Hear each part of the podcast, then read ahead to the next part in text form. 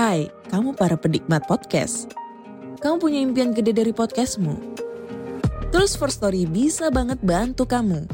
Mulai dari F-Link, Dynamic Audio Insertion, sampai statistik yang komprehensif. Semua ada di First Story. Gak ketinggalan kamu bisa monetisasi podcastmu lewat iklan dari First Story Ads yang bisa kasih kamu penghasilan dari setiap place podcastmu. Yuk gabung sekarang dengan klik di firststory.me. Sekali lagi, klik di firststory.me. Mari kita bawa mimpi podcastingmu menjadi kenyataan.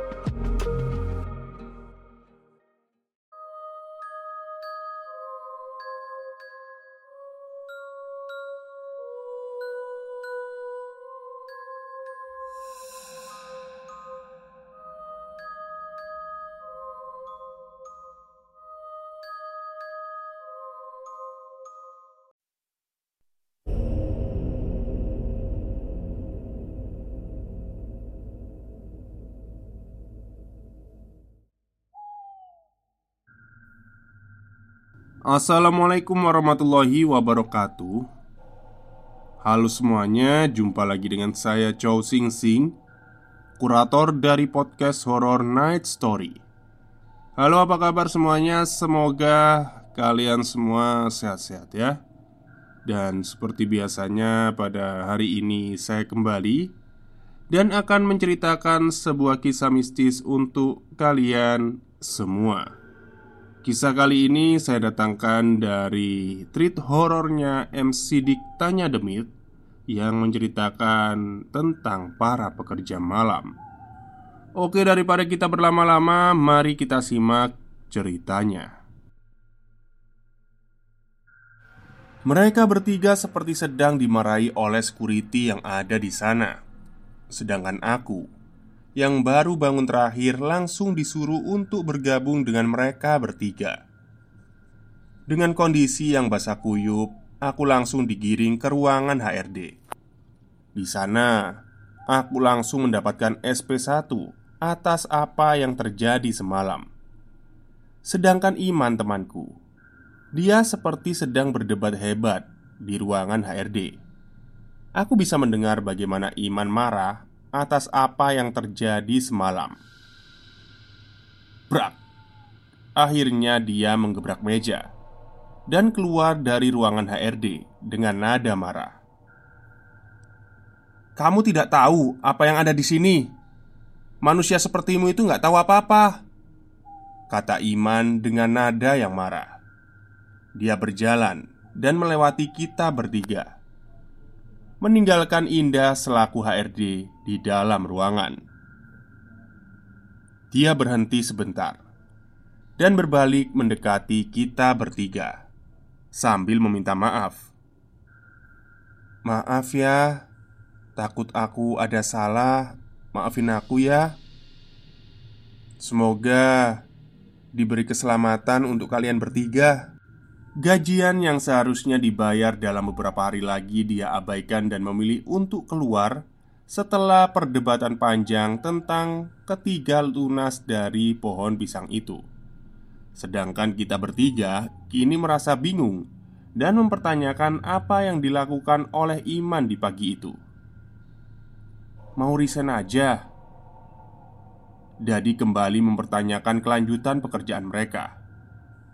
Semuanya berpikir sejenak, namun tak lama Denny langsung berkata bahwa dia akan resign setelah dibayar. Apalagi setelah kita mengalami hal yang mengerikan di sana. Tidak seperti Iman yang langsung keluar begitu saja. Akhirnya kita sepakat atas keputusan itu. Kita akan resign secara bersamaan ketika kita mendapatkan gajian pertama yang akan dibayarkan kurang dari satu minggu lagi di tempat itu. Kita akhirnya tersisa tiga orang, tentunya dengan suasana yang lebih mencekam. Hingga dua hari berlalu dengan begitu cepat. Aku yang datang lebih dulu ke pabrik melihat sesuatu yang tak biasa di sana. Ada sebuah mobil yang terparkir tepat di depan gerbang. Sebuah mobil berwarna silver dengan plat ibu kota. Seketika security yang melihatku langsung menyuruh aku memarkirkan motorku ke dalam Dan menanyakan kedua temanku sambil memperkenalkan aku Dengan pemilik dari pabrik tersebut yang bernama Pak Iwan. Seseorang yang nampak masih muda Berumur 30 tahunan Dia dengan ramah menyambutku dan berterima kasih karena aku sudah bekerja dengan baik di tempat itu dia berkata bahwa tadi pekerjaan yang mengharuskan dia untuk diam di sana lebih lama. Karena biasanya dia hanya akan datang ketika pagi menjelang dan akan pulang bersamaan dengan bubaran para pegawai shift pagi. Sehingga wajar saja aku tidak pernah melihatnya selama ini. Apalagi dia yang sibuk tidak setiap hari datang ke pabrik kecuali ada pekerjaan yang mendesak. Pak Iwan pun pamit. Dia berkata bahwa dia membawa makanan untuk kita santap pada malam hari. Dia berkata bahwa dia meninggalkan makanan itu di security dan tinggal diambil saja apabila kita semua lapar di sana. Kita nggak terlalu akrab dengan security, hanya mengangguk. Lalu kita bertiga pun akhirnya bekerja seperti biasa. Namun tiba-tiba tepat ketika jam 9 malam Seorang security yang sedang berjaga muncul dan menghampiri kita Yang sedang ada di produksi. Dia membawa dua kresek makanan yang Pak Iwan siapkan untuk kita berdua. Wajahnya nampak sedih bahkan dia sangat lesu ketika berjalan. Dia berkata bahwa anaknya sakit dan dia harus segera pulang Dia ingin keluar terlebih dahulu namun dia memohon agar tidak memberitahu HRD atas apa yang terjadi pada malam ini. Dia bahkan mengeluarkan uang 100 ribu untuk uang tutup mulut. Aku, Dadi, dan Denny hanya bisa mengangguk karena wajahnya benar-benar memelas, sehingga aku merasa iba dan membiarkan mereka pergi. Maksudnya, dia ya. Dia berkata bahwa dia akan mengunci gerbang sampai dia datang karena takut ada supir ekspedisi datang dan tidak melihat satpam di tempatnya. Tidak ada kejanggalan atas apa yang ia ucapkan. Toh, kita bekerja di pabrik tidak mungkin keluar dari area hingga pekerjaan kita selesai. Apalagi sudah ada makanan yang bisa membuat kita kenyang hingga pagi tiba. Akhirnya, security meninggalkan kita sekaligus mengunci gerbang dari luar. Aku, Dadi, dan Denny akhirnya bekerja kembali seperti biasa, menikmati malam di pabrik sambil ditemani oleh makanan yang security itu bawa untuk kita. Tiga jam berlalu, waktu tepat menunjukkan jam setengah dua belas malam. Suasana di sekitaran pabrik secara perlahan-lahan berubah Tubuh kita seperti penuh sesak, sehingga untuk bernafas saja sangat susah. Entah apa yang terjadi, baru kali ini kita bertiga mengalami hal yang seperti itu. Hal itu membuat kita terpaksa harus keluar, mencoba mencari udara segar agar tubuh kita tidak sesak kembali. Meskipun tanpa kita sadari, pada malam itu aku melihat pintu gudang terbuka lebar, seperti lupa untuk ditutup. Apalagi ketika aku melihat ruangan kecil di depan gudang, pintunya juga terbuka dan hanya tertutup oleh tirai tipis berwarna merah, sehingga aku masih belum bisa melihat isi dari ruangan itu. Kenapa pintu gudangnya nggak ditutup? Kok dibiarin kebuka? Aku tiba-tiba merasakan keanehan Semuanya terdiam dan saling memandang satu sama lain. Biasanya, ketika ada hal seperti ini, ada iman yang bisa aku tanya. Namun, kini dia sudah menghilang dan tidak bekerja lagi di tempat ini. Udah, tutup aja pintunya gitu. Nanti dimarahin lagi sama security kalau masih kebuka pintunya. Kataku yang mengajak Dadi dan Denny untuk menutup pintu gudang yang berat itu Mereka berdua mengangguk, lalu tak lama kita mendorong pintu gudang itu sekuat tenaga, sehingga secara perlahan tertutup. Aku sekilas melihat bagaimana gelapnya gudang yang ada di sana. Aku seperti enggan untuk masuk ke dalam sana karena suasananya terlihat sangat berbeda. Tak lama, pintu gudang pun akhirnya tertutup secara perlahan. Tinggal beberapa sentimeter lagi hingga tertutup rapat. Tapi tiba-tiba, seperti ada sesuatu yang menahan pintu itu. Aku seketika melihat ke arah celah pintu yang belum tertutup, dan betapa terkejutnya aku ketika melihat ada sesuatu yang keluar dari dalam sana. Sebuah tangan yang kering keriput keluar secara perlahan Kulitnya sudah pucat, bahkan saking kurusnya, tulang dan urat-uratnya sangat terlihat. Tangan itu keluar dan mendorong kembali pintu gudang agar bisa terbuka kembali. Sebuah wajah muncul secara perlahan, mengintip dari balik pintu dengan rambutnya yang panjang. Wajahnya yang keriput, dengan kedua matanya yang melotot tajam kepada kita, membuat tubuh kita mendadak kaku. Rambutnya yang terurai dengan sisi-sisi ular yang menempel di beberapa titik wajahnya Membuat dirinya semakin menyeramkan Dia tertawa sambil menggerakkan kukunya yang tajam ke pintu besi Sehingga membuat suara bergesekan Dan telinga kami bertiga kesakitan Wajah itu sangatlah berbeda dengan sosok wanita yang pernah aku temui ketika pabrik ini padam. Wajahnya kali ini tidaklah cantik, bahkan cenderung menakutkan karena banyak sekali sisik di tubuhnya.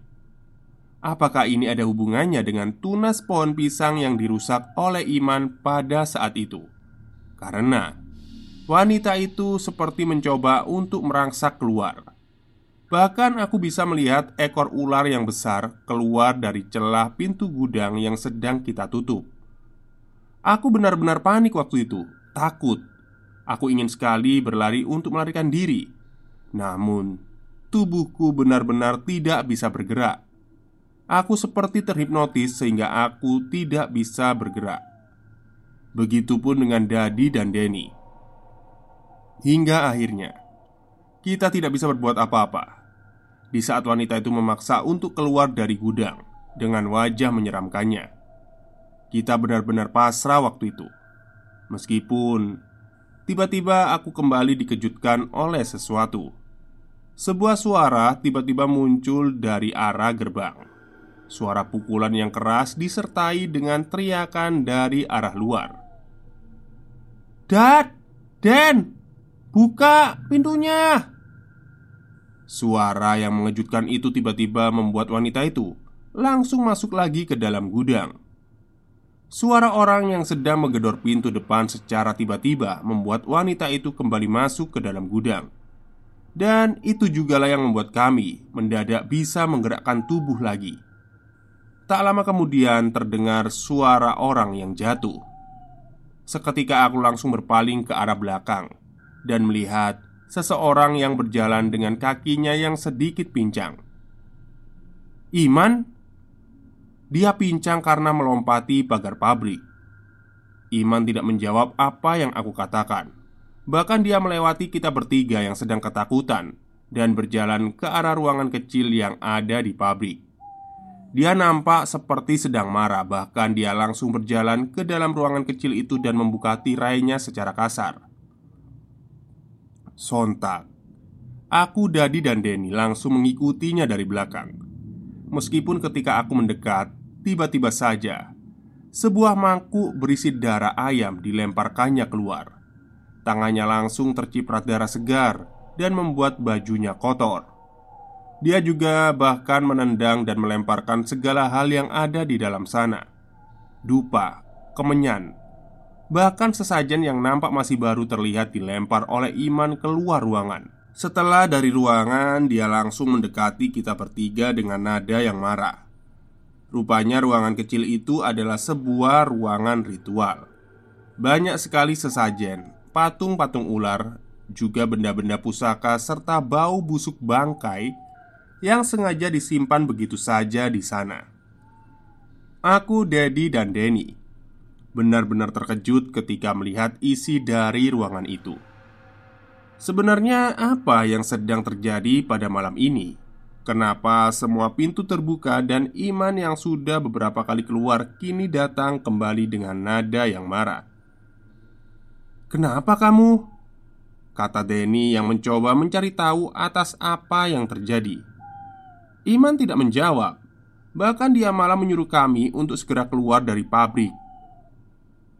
Pulang aja kalian bertiga, bahaya di sini. Aku yang kebingungan langsung kembali bertanya seperti yang Denny tanyakan. "Kamu kenapa, Man?" Namun, nada Iman semakin meninggi. Bahkan dia tidak mempedulikan pertanyaan yang dilontarkan kami. "Pulang sekarang. Kalau tidak, salah satu dari kalian akan mati malam ini." Aku berusaha memutar otak dan tanpa menunggu jawaban dariku Iman langsung kembali berjalan ke pintu gerbang dan menutup pintu itu kembali sendirian. Meskipun terdengar jelas Suara desis ular ditambah dengan benda-benda yang dilempar dengan kuat ke arah gudang. Apalagi ketika aku baru sadar akan ucapan Iman. Tiba-tiba saja kamu ganggu tumbalku Suara wanita berteriak Terdengar hingga di luar Hal itu seketika membuat kita bertiga sadar dan segera mendekati Iman yang berusaha menutup pintu gudang. Benar saja, tepat ketika pintu gudang itu ditutup rapat, pintu gudang itu tiba-tiba saja bergetar, seperti ada sesuatu yang berusaha keluar dari gudang itu. Dia mendobrak pintu gudang. Saking kerasnya, bahkan engsel atas pintu gudang itu sampai terlepas dengan sendirinya. "Ayo, kita pergi!" kata Iman sambil berteriak. "Gimana kita keluarnya, Man? Gerbang kan dikunci." "Ya naik tembok," kata Iman sambil menunjuk ke tembok tinggi yang mengelilingi pabrik. Sontak hal itu membuat kita kebingungan apakah kita mungkin bisa melakukannya. Kalian tinggal milih mau mati di sini atau selamat. Soalnya suara itu terdengar kembali. Suara ular itu mendobrak gerbang. Bahkan kini pintu gudang nampak sedikit terbuka atas suara-suara keras yang terdengar hingga keluar. Akhirnya dengan segala cara kita bertiga berusaha untuk naik ke tembok yang mengelilingi pabrik ini. Bahkan kita memindahkan motor yang terparkir untuk bisa naik ke atas tembok saat itu. Seperti layaknya Iman yang harus memanjat pohon palem di luar pabrik agar bisa masuk ke dalam. Jujur aku mendapatkan luka serius ketika naik dan melompat dari atas tembok. Bahkan hingga saat ini lukanya masih membekas di kaki akibat melompat keluar pabrik dari temboknya yang menjulang tinggi itu dan mendarat di jalanan beton di depan pabrik yang keras. Kejadian itu begitu cepat, bahkan ketika kita selesai melompat keluar, kita masih melihat bagaimana sosok wanita itu muncul dan melemparkan apa pun yang ada di dalam sana. Bahkan dia seperti menyeret motor kita yang terparkir di sana dan melemparkannya ke arah gerbang. Tentu saja, hal itu membuat kami ketakutan. Bagaimana tidak, aku bisa melihat dengan mata yang jelas, melihat mata yang merah menyala di balik gerbang sambil memukul-mukul gerbang seperti mengejar kita. Bahkan, saking takutnya, aku seperti ingin berlari dari sana. Meskipun sudah, sekarang mah kita aman. Kata Iman sambil duduk dan memandangi gerbang pabrik yang tertutup rapat. Yang pasti kita tunggu sampai pagi. Ambil motor dan gajian kalian. Terus jangan kembali lagi ke sini. Setengah jam setelah kejadian itu Pabrik tiba-tiba kembali menjadi hening. Bahkan lampu yang menyala di dalam sana Tiba-tiba saja mati sendiri. Suara-suara gaduh tiba-tiba menghilang Aku, Dadi, dan Denny serta Iman hanya duduk memandangi pabrik dari luar.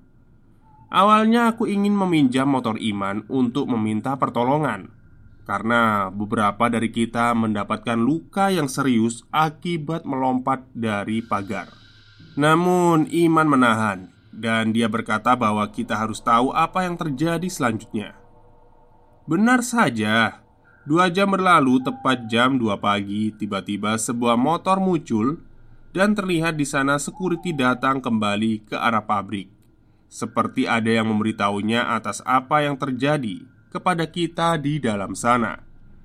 Dia datang dengan tergesa-gesa, memarkirkan motornya di depan gerbang dan langsung berusaha membuka gembok gerbang depan.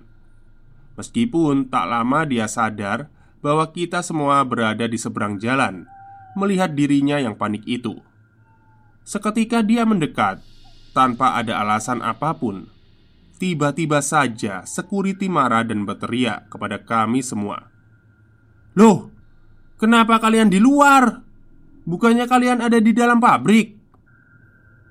Iman langsung berdiri dan menjawab dengan pelan ucapan dari security itu Gimana? Tumbalnya gagal.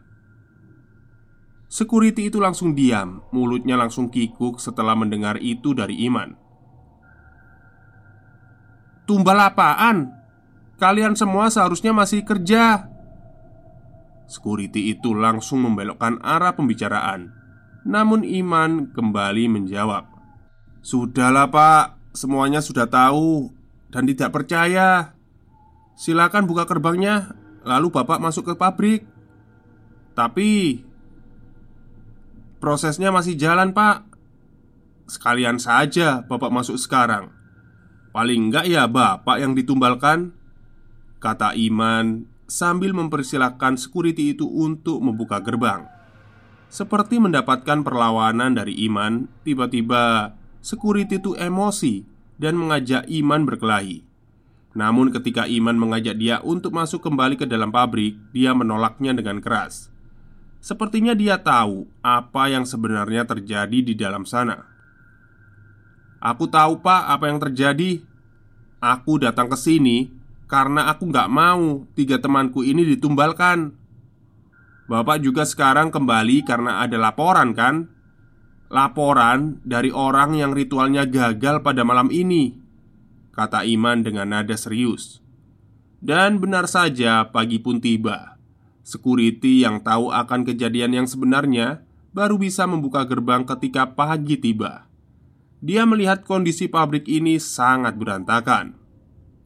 Seperti ada yang mengacak-ngacak isi pabrik dan marah Security itu langsung memerintahkan kita semua mengambil motor dan mengusir kita untuk pulang dengan nada yang marah Wajahnya benar-benar panik.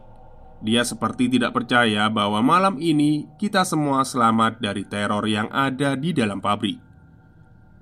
Tiga hari kemudian kita semua dipanggil lagi termasuk Iman yang sudah keluar pada waktu itu oleh HRD Akhirnya kita datang dan langsung menghadap kepadanya. Di sana Aku tidak langsung bertemu dengan security. Entah dia keluar atau dia tidak masuk hari itu Yang pasti ketika kita datang Kita disambut oleh security yang baru dia nampak ramah dan sepertinya dia tidak mengetahui tentang rahasia pabrik ini. Aku juga tidak melihat mobil Pak Iwan yang merupakan pemilik pabrik. Ada desas-desus. Pak Iwan keluar kota selama beberapa hari sehingga dia tidak masuk semenjak kejadian itu. Kita akhirnya masuk ke ruangan HRD. Tanpa ada obrolan yang panjang, dia langsung menyodorkan sebuah surat yang ada di dalam amplop. HRD itu hanya berkata bahwa ini adalah surat dari Pak Iwan. Dia juga menyodorkan amplop uang yang merupakan gaji buat kita semua. Rupanya itu adalah sebuah surat yang harus kita tanda tangani. Sebuah surat yang berisi bahwa kita tidak boleh menceritakan hal ini kepada siapa pun. Kita juga mendapatkan bayaran lebih untuk tutup mulut. Kita menandatangani surat itu dan memasukkannya kembali ke dalam amplop.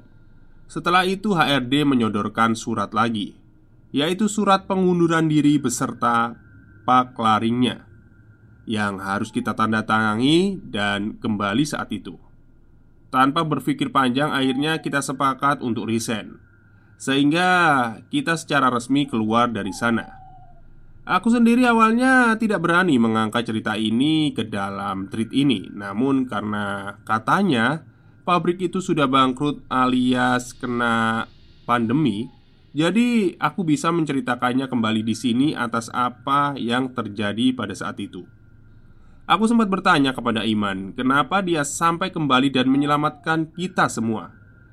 Ya, Iman hanya menjawab dia hanya ingin menyelamatkan satu nyawa. Apalagi orang tuanya mendorong dirinya untuk kembali setelah dia bercerita tentang pabrik itu.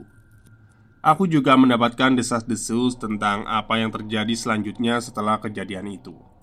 Tepat ketika salah satu dari kita akan ditumbalkan pada malam itu dan akhirnya gagal. Secara kebetulan, kedua orang tua pemilik pabrik mendadak tak sadarkan diri pada malam itu. Hal itu membuat dia langsung menelpon security, meskipun di pagi harinya akhirnya kedua orang tuanya meregang nyawa. Ketika tumbal tersebut gagal, biasanya mereka sering kali mencari orang-orang terdekat atau dirinya sendiri untuk ditumbalkan. Begitu juga dengan Pak Iwan ketika gagal menumbalkan salah satu dari kita, mau tidak mau keluargalah yang menjadi korban. Tempat-tempat seperti mesin pemintal benang, WC yang tidak boleh ditutup dan mesin potong kain. Itu adalah tempat-tempat korban yang ditumbalkan di tahun-tahun sebelumnya sehingga jiwanya masih ada di sana dan harus terus menghantui para karyawan yang bekerja di sana. Mereka sengaja ditumbalkan oleh sesosok wanita berbentuk ular yang kita temui dalam pabrik. Mereka dibuat seakan-akan itu terjadi karena kecelakaan kerja, sehingga membuat orang lain tidak curiga atas apa yang terjadi di dalam sana. Awalnya, shift malam pun tidak ada yang ada adalah tawaran lemburan malam kepada para karyawan. Namun, setiap ada lemburan pasti ada korban, sehingga para karyawan tidak berminat kembali di tahun berikutnya. Alhasil, HRD harus mencari orang agar bisa bekerja malam. Maka dari itu, pemilik warung tidak tahu ada shift malam di pabrik itu karena shift malam ini baru ada sekarang yang sengaja dibuat sebagai kedok sebagai pemberian tumbal dengan dali kecelakaan kerja nantinya. Aku, Dadi, Denny, dan Iman akhirnya berpisah ketika selesai bekerja di sana. Dan beberapa tahun kemudian kita sering berkumpul lagi ketika kita sudah berkeluarga. Seperti hari ini di mana kita kembali dan menceritakan kisah ini. Semoga ini menjadi pembelajaran bagi kalian semua di mana pun kalian bekerja. Hati-hati dalam memilih pekerjaan karena kita nggak tahu apa yang sebenarnya apa yang ada di balik pekerjaan kita. Oke, baik, itulah cerita dari Mas Sidik Tanya Demit ya. Jadi memang bukan rahasia kalau pabrik itu memang tempatnya tumbal bahkan jangankan pabrik uh, warung atau perusahaan lah pasti ada tumbalnya gitu. Ya tapi kan metodenya beda-beda. Kalau pabrik kan memang dia uh, mengerjakan sesuatu di alat produksi. Jadi bisa dibuat alasan matinya kena alat gitu kan. Cuman ya memang nggak semua orang yang meninggal pada saat pekerjaan itu ya karena tumbal ya. Jadi ya bisa dipilah-pilah lah. Ya semoga ini tidak terjadi pada kita dan ketika kita bekerja Itu patut wajib waspada lah Tentang apa yang ada di pekerjaan kita. Oke mungkin itu semua cerita dari Mas Sidik. Semoga kalian semua suka Wassalamualaikum warahmatullahi wabarakatuh